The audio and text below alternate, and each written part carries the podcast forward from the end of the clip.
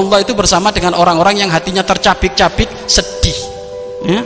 makanya Bapak Ibu kalau minta doa bersama mereka minta doalah kepada orang-orang yang hatinya lagi sed sedih. Kenapa? Allah bersama mereka. Jangan keliling doa sama minta doa sama orang-orang yang kaya raya saja.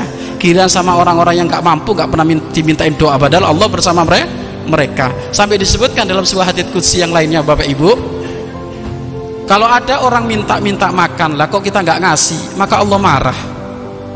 Eh hambaku aku lapar. Aku minta makan kok nggak kamu kasih makan?